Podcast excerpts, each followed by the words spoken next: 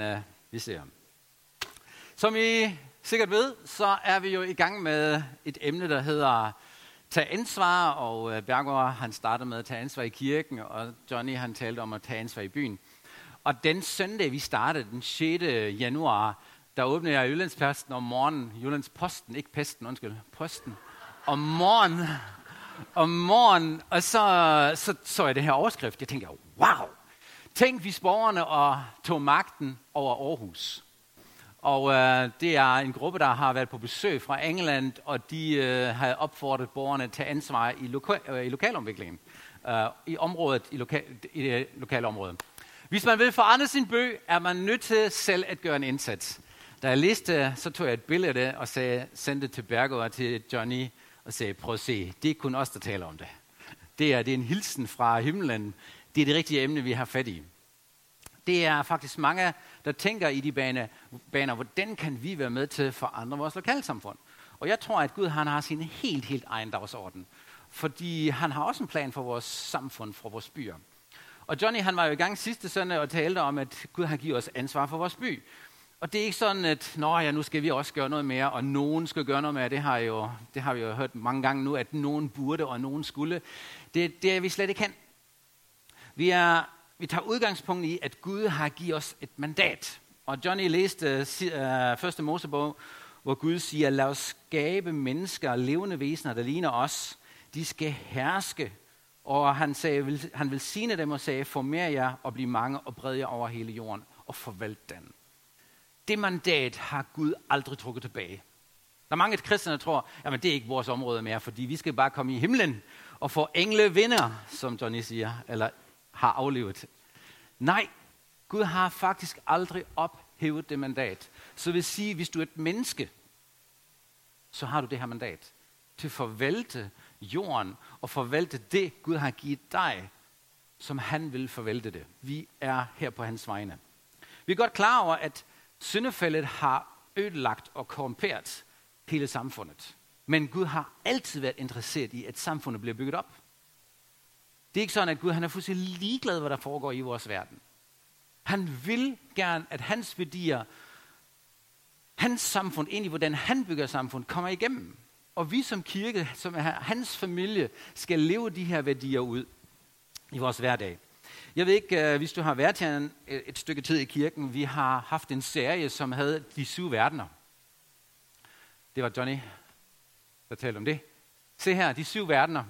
Vi, der er rigtig mange øh, folk øh, rundt omkring i verden, der har delt vores samfund under i syv områder, som egentlig fortæller os, hvordan samfund fungerer, og hvad der, hvilke byggesten et samfund bygger på.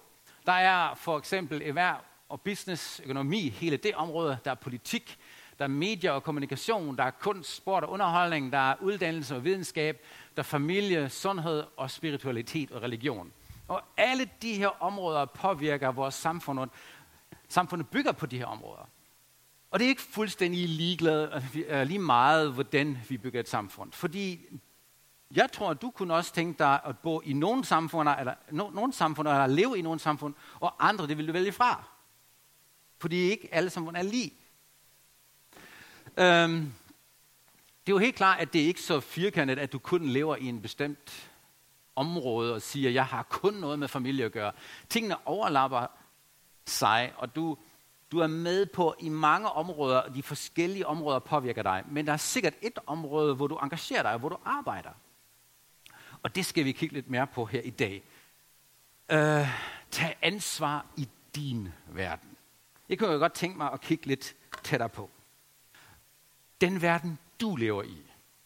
De berøringsflader, du har i din familie, i dit netværk, i din kirke, på dit arbejde, studie, lige meget hvor du hen. Vi har alle sammen nogle sfære, vi bevæger os i. Og hvordan tager jeg ansvar i det? Og som sagt før, vi er ikke interesseret i bare putte nogle flere byrder på dig og sige, åh, tag nu mere ansvar. Og du siger, jeg har allerede rigeligt. Jeg tror faktisk, det er vigtigt, at du måske fjerner nogle ting, du føler dig ansvarlig for. Rød lidt op i det, hvor du tager ansvar for. Find ud af, hvad er virkelig dit ansvar, og hvad er ikke dit ansvar.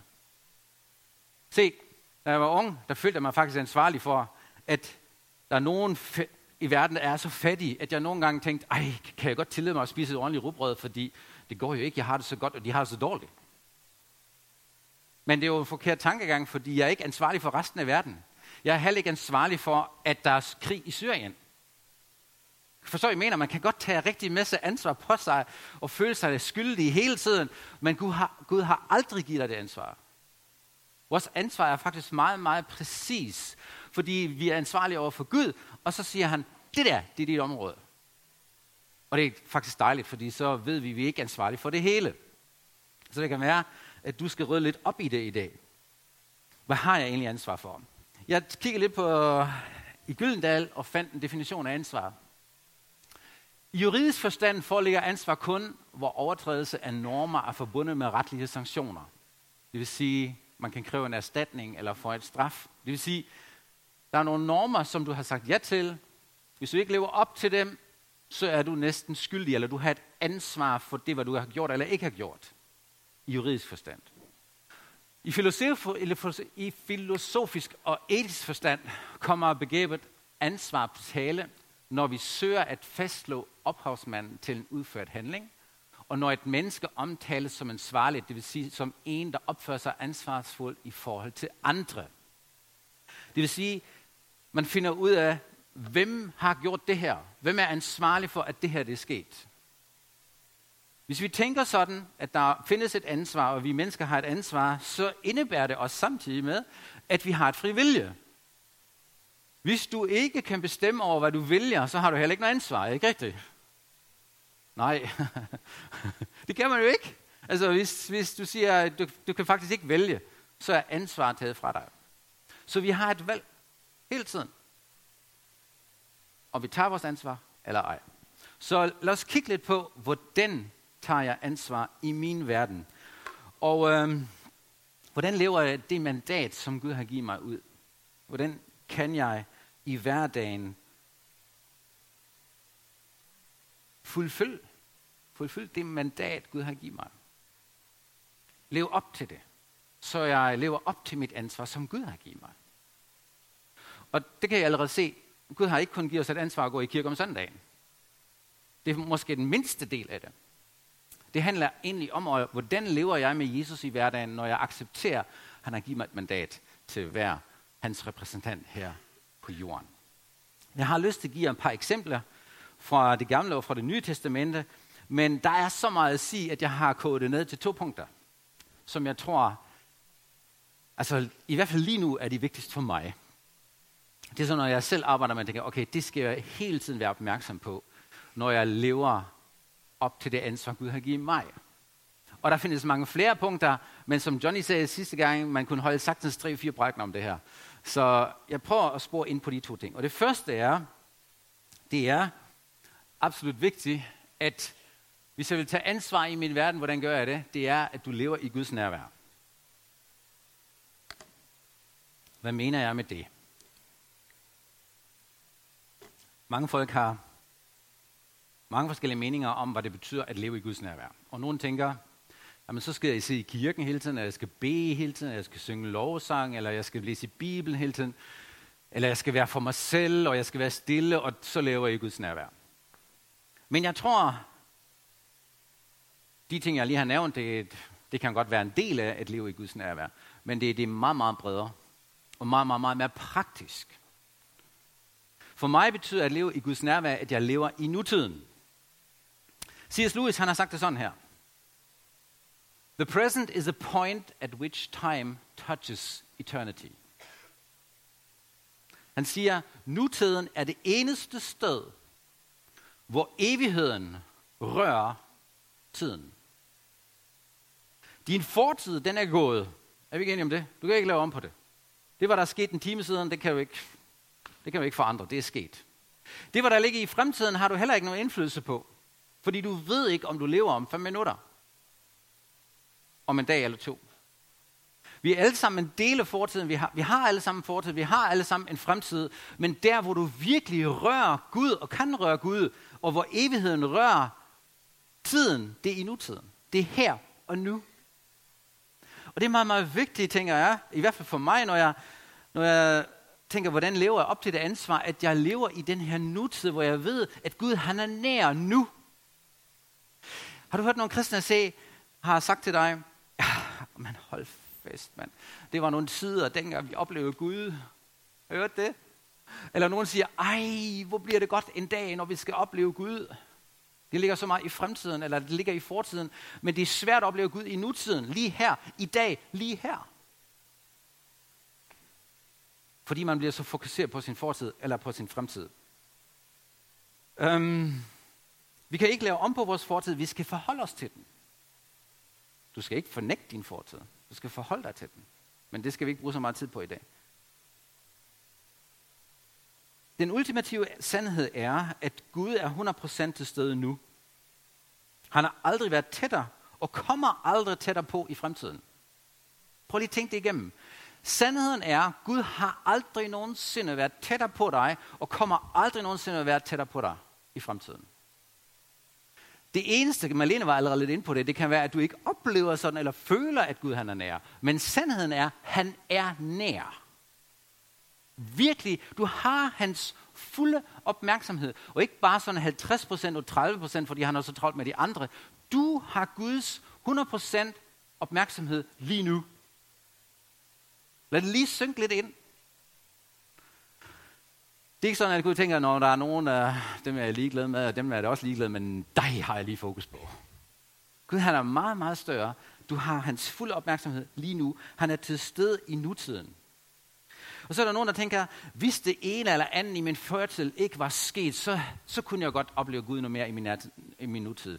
Eller hvis der kommer det her til at ske i fremtiden, så vil jeg opleve Gud. Hvis jeg beder noget mere, så kommer jeg til at opleve Gud. Hvis, så er han tættere på. Eller hvis jeg har gjort det ene eller det andet, forstår jeg alt det der, hvis, hvis, hvis, hvis, hvis. Prøv at stoppe op og gør dig klar eller bevidst for, bevidst for dig selv. Gud, han er nær lige nu.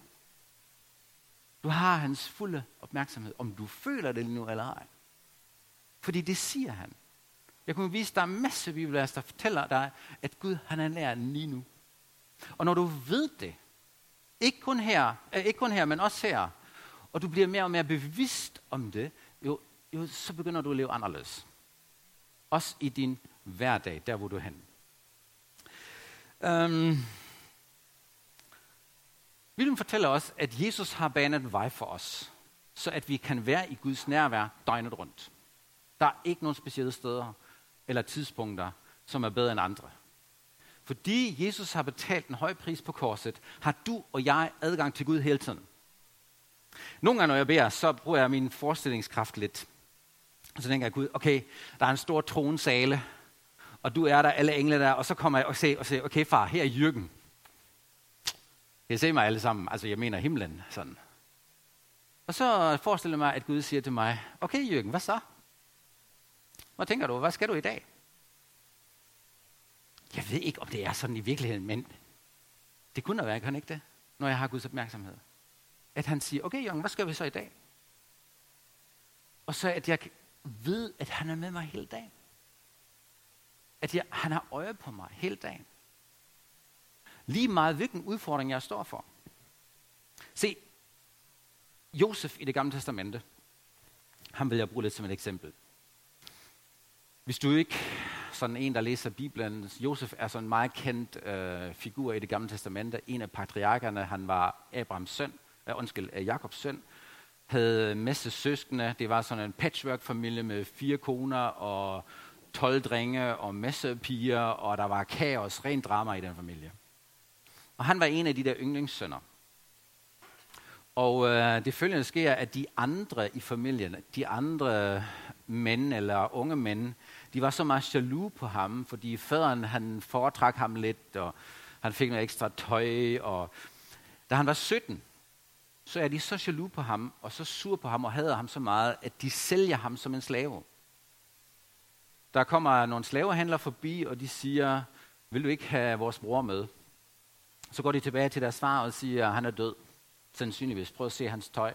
Der havde de smurt noget blod på, og så troede hans far, at han er død. Virkeligheden var, at Josef så blev solgt som en slave og kom til Ægypten. Så forestil dig sådan en mand, en teenager på 17 år, som forlader sin familie. For det første er han forrådt af sin familie. At hans brødre overhovedet kunne finde på at sælge ham, det er jo smertefuldt nok. Er vi ikke enige om det? Det er rigeligt, vil jeg sige. Men at han så oveni kommer til Ægypten, til et helt andet land med et anden kultur og et andet sprog, og så skal han arbejde som slave. Jeg kan forestille mig, at han har forestillet sig, altså jeg overtager min fars business, og jeg skal være her always, og det bliver godt, og det er nok mig, der er arvingen, og jeg skal nok være med i min fars, øh, det var han har gang i. Men så kommer han helt alene til et andet land med et andet sprog, og arbejder som slave. Ikke nok med det. I det firma, han arbejder, eller det, det hus, han arbejder som slave, der har han en kvindelig chef, som er helt vild med ham og forfører ham. Sådan en rigtig MeToo, den omvendte vej. Går efter ham, og, og han, øh, han siger nej, han vil ikke have sex med hende, så det vil jeg ikke, fordi jeg har respekt for din mand, og han er, som er min chef, og hun bliver så sur og fornærmet, anklager ham, han kommer i fængsel. Og så kan man sige, at ja, men sandheden den kommer nok ud om et år eller halvanden år. Han sidder i den fængsel i 13 år. Cirka. Så omstændighederne og kunne ikke være værre næsten. Hvis du synes, du har det dårligt, og du har en dårlig historie, så vil jeg sige, at Josef er mindst lige så dårlig. Sådan, cirka. Og det, det skal være opmuntrende, fordi prøv at se, hvordan han takler sit liv. Det, hvad der sker, at Josef lever simpelthen så meget i nutiden, at Gud velsigner ham hver eneste dag. Du læser det flere gange. Jeg har for tiden skyld vil jeg ikke øh, læse alle de bibelvers. Der står flere gange, og Gud lød det lykkes for ham, og Gud lød det lykkes for ham, og Gud velsignede Josef, og Gud var med ham, og han øh, får fremgang i de, under de værste omstændigheder.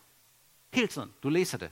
Og det virker sådan, om, om han kommer hele tiden ovenpå og får bearbejdet sine sår og de følelser, alt det negative, der, der møder ham.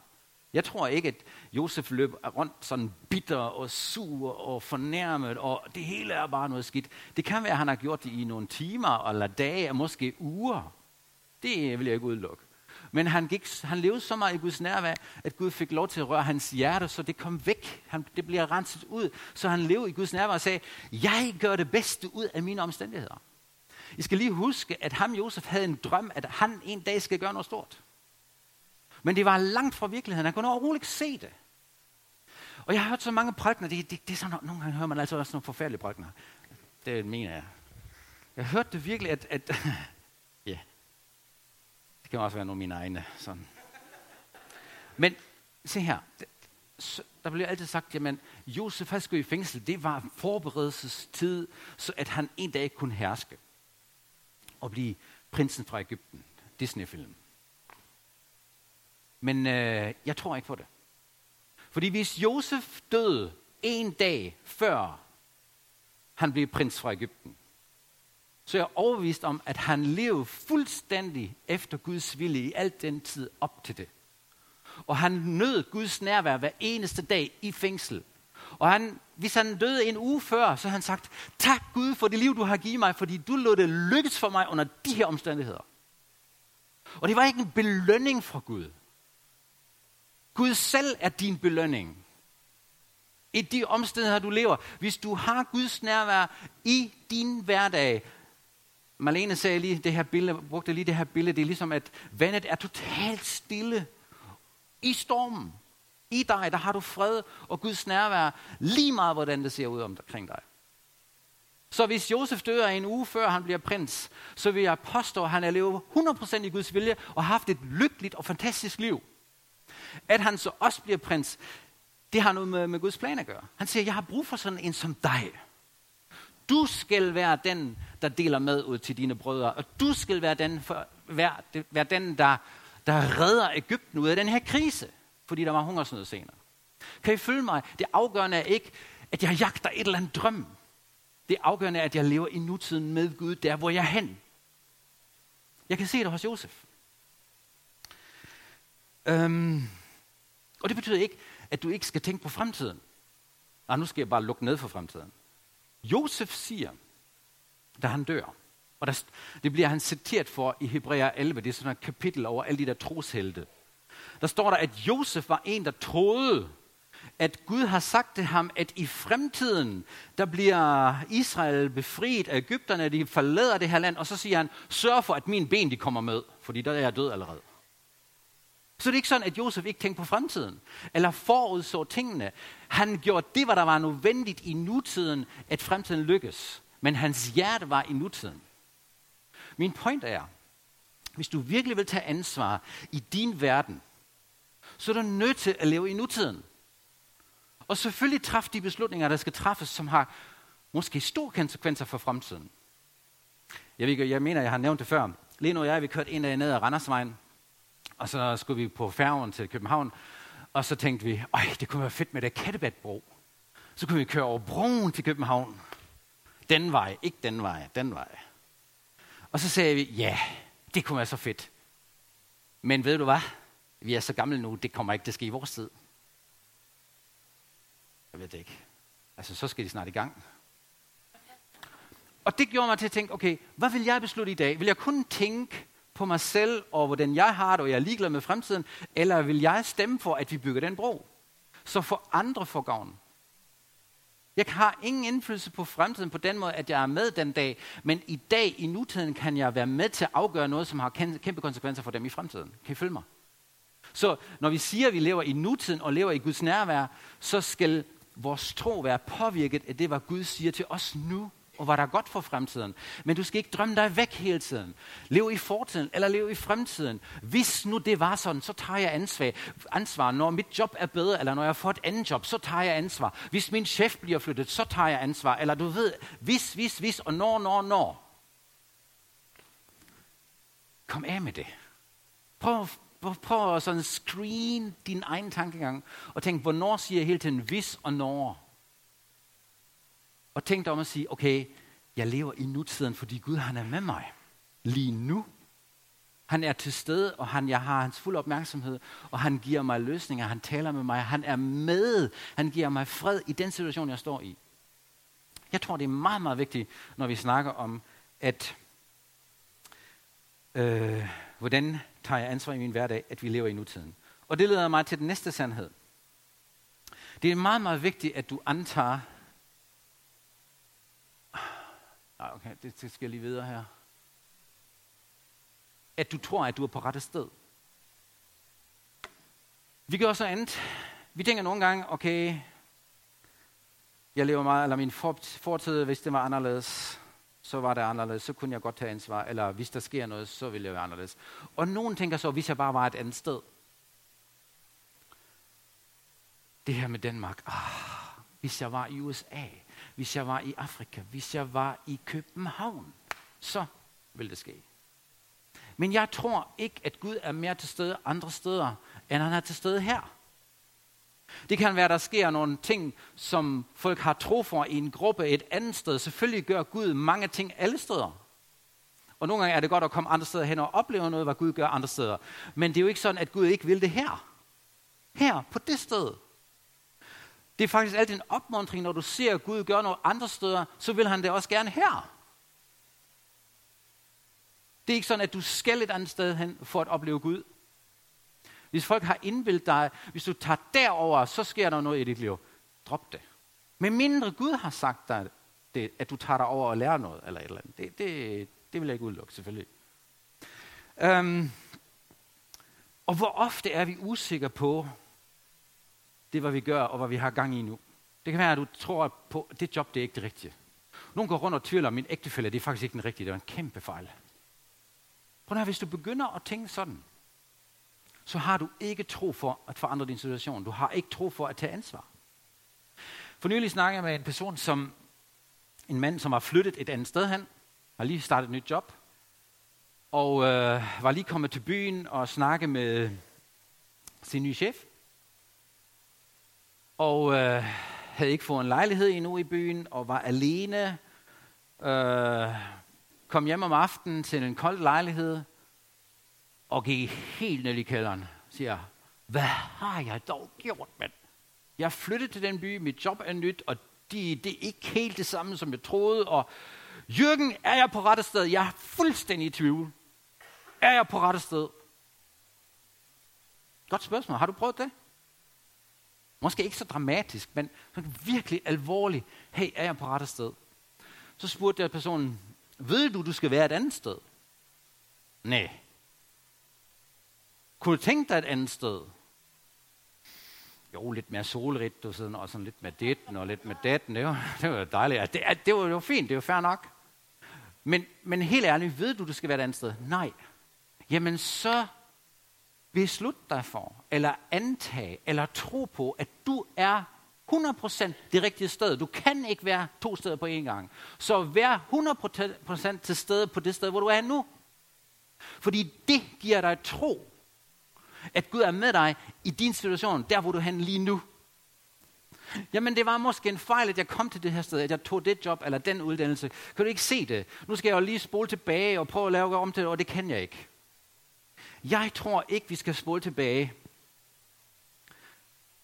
Gud vil altid være med dig på det sted, du er lige nu, uanset om du kommer til det sted ved en fejl. Vi tror, vi har lavet en fejl, så har Gud forladt os. Og jeg har faktisk endda hørt nogen, der siger, jamen Gud sagde til israelitterne, I må godt gå derude, og hvis I går, så kommer min, hvad var det, min engel vil gå med jer. Og så, øh, så sagde Moses, nej, hvis du ikke selv går med os, så vil jeg ikke gå. Og så har man tolket det sådan, man kan faktisk løbe væk fra Gud. Det tror jeg ikke, man kan. I'm sorry. Ikke i det nye testamente. Hvis Helligånden bor i dig, han forlader dig ikke hele tiden. Han bor i dig. Gud bor i dig. Og hvis du ved en fejl kommer det forkerte sted hen, så er det vigtigt, at du tror, lige nu er jeg, på det 100%, er jeg 100% på det rigtige sted. Fordi Gud han er med mig. Det kan være, at han vil lede mig ud af det, men jeg skal være sikker på, at han er også med mig på det her sted lige nu. Og hvis Gud ønsker, at du skal være et andet sted hen, så skal han nok for det første fortælle dig, hvor du skal hen, og han skal også vise dig, hvordan du der kommer derhen. Fordi Gud, han ser jo ikke, når du øh, kommer et eller andet sted hen, og du tænker, og I er jo også det rette sted. Og han siger, ja, det, ved du hvad, det er så synd for dig. Det har du selv, det er din egen skyld. Jeg, jeg står bare her nu. Det må du selv rette op. Sådan er jo Gud ikke. Jeg kan give jer et eksempel. Abraham. Han skulle have en søn. Og han i sin egen power, så får han lige en søn med en anden kone. Og det interessante er jo ikke, at Gud siger, nå, det er så dit problem. Nå, nu må du selv finde ud af det. Eller du skal spole tilbage, du skal faktisk slå ham ihjel, fordi det her, det, det er en fejl, det skal vi lige fejre under tæppet. Nej, Ismail lever, og vi har selvfølgelig nogle problemer, men der er konsekvenser. Det er slet ikke det. Men Gud taler til Abraham dagen efter. Gud fortsætter dialogen med Abraham og siger, hvad gør vi så? Og og da Sara siger, nu er ham her sønnen, som øh, jeg, du fik med den anden kvinde, han skal faktisk forlade mit hus, fordi der er lidt konflikt med vores søn nu, så, så siger Abraham, nej, han er min søn. Jeg står ved ham. Det er min, det er min fejl, ja, men jeg ser ham ikke længere som min fejl, men han er min søn. Kan I følge mig? Altså, fejl og ødelagt ikke, ødelagt ikke hans liv. Og da, da Sara siger, at han skal gå, og han skal ikke vokse op med, med, med, med Isak, så siger Gud til Abraham, hey, hør efter, hvad han siger. For fredens skyld. Jeg ved godt, du, du vil ikke det her, men send ham afsted. Så Abrahams fejl skulle ikke bare lige fejes væk, eller forhindre, at Guds plan med Abraham kom igennem. Han skulle ikke spole tilbage. Du kan fortælle historier om David, eller da Israel ønsker sig en konge, det er så klart og tydeligt, at Gud sagde, jeg har faktisk ikke tænkt mig, at I får en konge. Men fordi I vil have den så meget, så okay, så får I en konge. Det er ikke det bedste for jer, men okay, I får den. Og så gjorde Gud det bedste ud af det. Gud han inddrager os faktisk ret meget. Og du og jeg, vi kan stole på, at Gud er med dig. Du er på rette sted. Og det er vigtigt for dig, at du ved, at du er på rette sted, eller tror på det. Fordi så får du tro til at handle. Hvis du hele tiden tænker, det er det forkerte sted. Hold fast, jeg havner det forkerte sted. Og jeg skal bare væk herfra. Du bliver aldrig 100% til sted. Og det lammer dig. Du bliver passiv. passiv. Det samme, hvis du ikke... Prøv her, jeg, jeg ved det ikke, men hvis du tænker, med den, tænker den tanke, jamen jeg har simpelthen fået en forkert ægtefælde. så tænker du kun på at komme af med den. I stedet for at sige, Gud, det kan være. Lad os sige, lad os sige det går så helt galt, du har giftet med en forkerte. Sig Gud, nu har jeg sagt ja, og jeg har committet mig, så du må hjælpe mig, hvordan jeg bliver en fantastisk ægte mand eller kvinde i det her ægteskab. Vis mig din vej. Du er med i det her. Du har respekt for min beslutning. Alene den tanke giver dig tro for dit ægteskab og et andet syn på din ægtefælle. Det giver et andet syn på dit arbejde, hvis du siger, Gud har sat mig her. Og hvor har jeg hørt mange kristne sige, jamen jeg er kun det, eller jeg arbejder som det, og det, det giver jo ingen mening. Det passer ikke. Dit arbejde er det sted, Gud har givet dig til at arbejde, til at bidrage til det her samfund. Og du kan gøre det lige så godt, som Gud ønsker det. Den uddannelse, du har valgt. Gud, han er med dig. Gør det bedste ud af det. Bliv den bedste læge. Bliv den bedste buschauffør. Bliv den bedste, som Gud vil det. Bring Guds nærvær. Og bring Guds værdier der, hvor han har sat dig. Du har 24 timer i døgnet. Og være helhjertet i nutiden og på det sted, Gud har sat dig. Så begynder det faktisk at blive let at tage ansvar, når du har klædt de to ting. Hvis du hele tiden tænker, jeg vil gerne være et andet sted, have et andet job. Fint, hvis du vil have et andet job, så tak Gud for det job, du har nu. Og vær trofast. Og sig ligesom Josef, jeg lever max i dag, og jeg beder om, at Gud velsigner min chef. Og her, Josef han gik gennem så mange dårlige ting på sit arbejde. Det var så negativt for ham. Men der står faktisk, at Gud velsignede Potifars hus. Det vil sige, den kvinde, som vil forføre ham, blev velsignet af Gud, fordi Josef var på stedet. Prøv at læse det nøjagtigt. Det er sådan en rigtig lang historie i det gamle testamente. Så vær til en velsignelse, indtil Gud siger, hey, nu har jeg noget andet til dig. Det er jo ikke forkert at ønske et andet job. Jeg siger bare, at du er i nutiden hele, hele hjertet der, hvor du er. At du siger, Gud har sat mig her. Gud har placeret mig her. Hvis du ved, at Gud har placeret dig på det her sted, så har du også tro for sagen, fordi Gud vil tale til dig. Du skal jo ikke finde dig i alt. Du skal ikke finde dig i uretfærdigheder og korruption og alle de der ting. Gud har sat dig der til at forandre tingene på dit arbejde. Hvis du for eksempel i frokostpausen på dit arbejde, der du sidder med 10 eller 15 andre, jeg ved ikke, det, det kan være meget forskelligt, og de taler bare fuldstændig nede og bagtaler og negativt, så har du en mandat fra Gud til at vende det. Ikke ved at skælde dem ud, men skabe en anden atmosfære. Af respekt og forståelse for de folk, der er omkring dig. Du kan være med til at ændre hele atmosfæren, der hvor du er. Hvorfor? Fordi Gud er med dig. Kan I følge mig? Hvis vi er bevidste om Guds nærvær i vores hverdag, og på det sted, vi er hen, så forandrer vi vores verden. Jeg vil her til slut læse fra Josefs historie, hvordan han har set på sit liv. Og der har vi en forklaring, hvordan han, hvorfor, det, hvorfor han var så velsignet under de her omstændigheder. Kom herhen, sagde han. Det var hans brødre, var kommet til ham, og han gav sig til kende, og så siger han, de trådte nærmere, og han sagde til igen, jeg er Josef, jeres bror, som I solgte til Ægypten. Men I må ikke bebrejde jer selv på grund af det, I gjorde, for Gud var med i det. Han sendte mig hertil i forvejen, for at I kunne blive reddet. Hungersnøden har nu herret i to år, og den vil herre fem år endnu. I al den tid vil jeg hverken blive pløjet eller sået. Derfor sendte Gud mig hertil, så at I og jeres familie kan overleve og blive til et stort folk. Ja, det var Gud, som sendte mig hertil, ikke jer. Og han har gjort mig til faraos rådgiver, ansvarlig for hans ejendom og hersker over hele Ægypten. Han siger, at det var Gud, der har sat mig her, og ikke jer. Så jeg har lige et par spørgsmål til nogle overvejelser. Var det Gud, der inspirerede Josefs brødre til at sælge ham som slave? Nej. Det er ikke sådan, at Gud har sagt, nu skal I sælge ham som slave. Det har han godt af.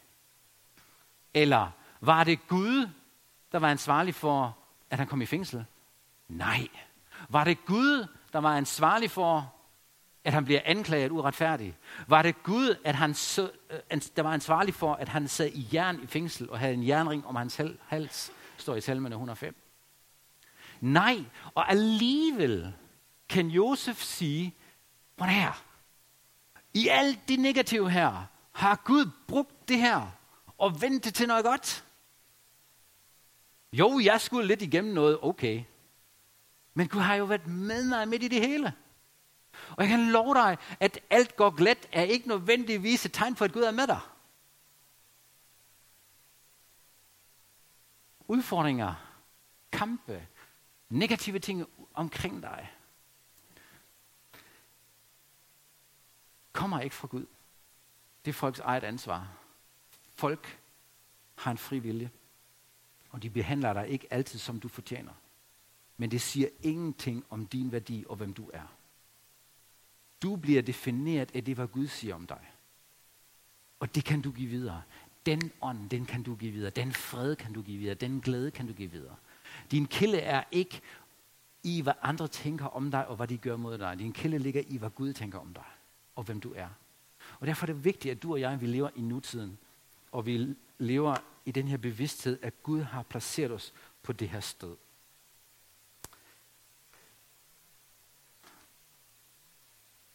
Der er sikkert meget mere at sige, men jeg vil koncentrere mig på de to ting. Og jeg kunne godt tænke mig, at du selv beder en bøn nu. Tag bare et minut eller to.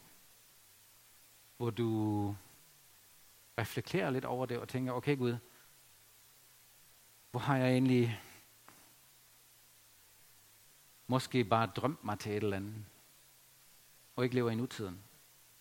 Og det holder mig væk fra at holde ansvar. Gud, jeg vil gerne komme til det. Tak, at du er med mig i den situation, jeg står i nu. Tak, at du er med mig på det arbejdsplads, hvor jeg er lige nu. Og tak, at du giver mig visdom og indsigt og en forståelse af, hvad du vil med mit arbejde. Jesus har givet os en fantastisk bøn. Kom med dit rige, ske din vilje, dit navn bliver helligt. Det kan du bede alle steder. På dit arbejde, i din familie, alle steder. Så at Guds vilje kommer til at ske der, hvor du er. Ikke med magt, men ved Guds nåde. Så har du ikke lyst til at lige bede, og så slutter jeg af med en bøn.